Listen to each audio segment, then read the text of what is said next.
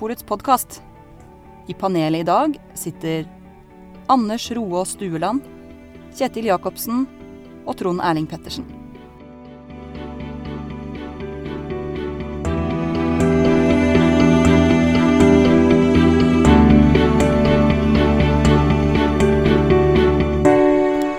Hjertelig velkommen til Vinmonopolets podkast.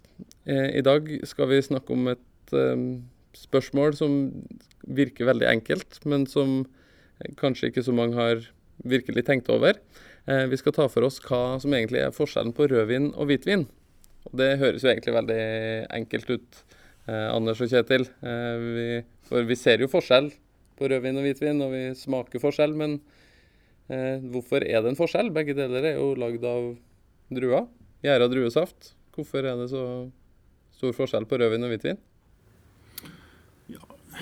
For det første så er det jo forskjellige typer druer. Det er det vi kaller for grønne druer, som da når de høstes gjerne er litt sånn gule, oransje.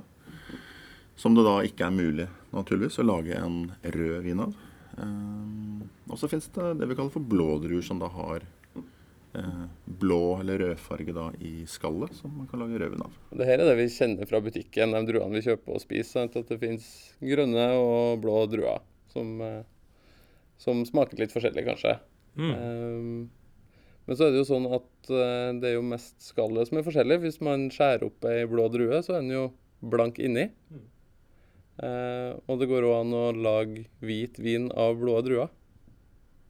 Uh, har vi noen eksempler på det som folk kjenner til? Ja, det fins um, etter hvert en del champagne, f.eks., som er laget på Så helt hvit champagne som er laget på blå druer. Da kalles det for blanc de noir. Det står gjerne på etiketten. Ja, så hvis det står blanc de noir, blanc de noir på etiketten, ja. så er det faktisk en hvitvin lagd av bare blå druer. Mm. Det er litt fascinerende. Ja. Um, og det er jo kanskje ikke så mange som sitter og dissekere druene man spiser når man har det på fruktfatet. Men uh, der er det jo faktisk mulig å, å, se litt og smake litt på hva som er forskjellen på rødvin og hvitvin nå. Mm, jeg har gjort det flere ganger, faktisk. Det, um, jeg tenker Da forstår man uh, virkelig eh, hvor stor betydning ja, både skall, stein, men også selve fruktkjøttet i druen har da, for, for hvordan vinen smaker til slutt. Og jeg har jo vært på besøk hos vinprodusenter og sett dem stå ute i vinmarken hvor de liksom de, de, peller druene fra hverandre. De, sitter og, de står og tygger på steinene for å kjenne på dem. De tygger på skallet. Altså tygger på, Bare sånn for å sånn, kjenne på ja, hvordan, hvordan smaker druene. Mm. Så det, for skallet er jo eh, litt sånn bittert på smak, og det har, på blå druer så har det jo en farge. og så mens fruktkjøttet er mer sånn blankt og søtt og fruktig. Mm. Så man kan jo nesten på ei drue smake hvordan vinen fra den drua kan bli. Eller man kjenner i hvert fall at det er en del bestanddeler som utgjør vin. Da. Det er litt sånn fruktig og, og, og lett, samtidig som det er litt bitterhet. og eh, Man kjenner nesten det der snerpet fra tannin òg, som man kjenner i rødvin. Mm.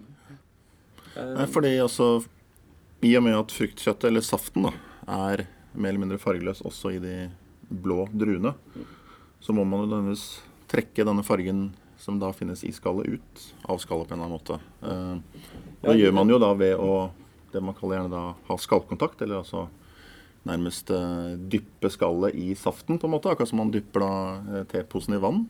Så trekker man fargen da ut over tid fra skallet. Og det skjer jo da først og fremst under gjæringen, men også da gjerne i forkant og etterkant av gjæringen. Mm. Ja, Kjetil, kan du bare forklare litt sånn enkelt og eh, lettfattelig hvordan man lager rødvin, og hvordan lager man hvitvin. Ja, altså hovedforskjellen er jo ganske enkel. Eh, når man lager hvitvin, så presser man eh, saften ut av druene direkte. Dvs. Si at man eh, hva skal si, skiller saft, eh, druesaft og skall fra hverandre. Man ja, hiver rett og slett skallet. Man bruker ikke skallet. Man bruker kun saften av druene og gjærer den og lager en vin. Og den blir jo da blank siden fruktkjøttet som da presses, er, er blankt. Og da siden skallet ikke får påvirke den på noen måte, men fjernes, så, så blir vinen lys eller hvit. Ja. Og da det motsatte da med rødvin. Da lar man altså skallet være i kontakt med saften. Altså man knuser bare druene forsiktig, sånn at uh, noe av saften da eh, på en måte kommer da på utsiden av druen. Eh, og så ligger da skall og, og, saft, og da også steiner og eventuelt stilker også i kontakt med hverandre da i eh, gjerne noen eh, ja, Mer enn en uke i hvert fall, gjerne. Mm. Eh, Opptil kanskje fire uker. Og jo lenger den prosessen får lov å pågå, jo mer både aroma og for så vidt også da garvestoffer eller tanniner, altså sånne strukturelementer, trekker man da ut av, mm. av skallet, mm. hovedsakelig. Du eh, sammenligner ofte med å la en tepose ligge i koppen, eh, Anders. Mm. Hva, ja. hva, mener du med det? Nei, de fleste har vel, eh, har vel laget seg en kopp te, og det, har du teposen kort tid i, så, så, får du ikke så mye farge og ikke så mye smak, og den blir ikke så snerpende, den teen. Men den, eh, hvis du glemmer en tepose, da mm. Teen er blitt kald, og teposen ligger der fremdeles. Da er jo teen mørk, og den, den smaker da enda mer snerpende. Mm. Så, ja. Sånn er det, med, sånn er det når man liksom lager vin og sånn. Jo lenger skal det få være med, jo mer får man trukket ut, da. Mm. Ja. Men mange eh, tenker vel at eh, at jo mørkere vinen er, jo mm. bedre er den. Ja, jo mer smaker den, liksom? Ja. ja. Men sånn er det kanskje ikke? Nei. Nei, fordi den, den, fargen den kan variere litt ettersom hvor mye farge det er i skallet på druene. Altså fra druetype til ja. druetype? Ja, faktisk. Sånn at uh, Altså Hvilke druer er det som er lys, da? Som kan på en måte ha mye smak sjøl om de er lys på farge? Ja, det er pinot noir og Nebbiolo. To kjente rødvinsdruer som, eh, som blir, gir ganske lyse viner, da, selv om kan være, de kan være smaksrike og intense og veldig flotte. Så, mm. ja. Og mange eh, tenker da at oi, dette her ser jo bare ut som saft, så da mm. syns de kanskje at vinen ikke er så bra. Men uh, man skal ikke skue hunden på hårene. Så, nei. Nei, fargen i seg selv er jo ikke uh, normalt sett ikke mulig å smake. Det er jo andre stoffer som man smaker, faktisk. Mm. Men da kan jo det være en slags sånn uh, hjemmelekse eller et tips fra oss. At hvis man vil uh, forske litt mer på forskjellen på rød og hvit vin, så kan man kjøpe seg noen grønne og noen blå druer og dele dem opp og studere dem litt nøye og smake på dem og finne ut litt hva en drue faktisk består av. Mm.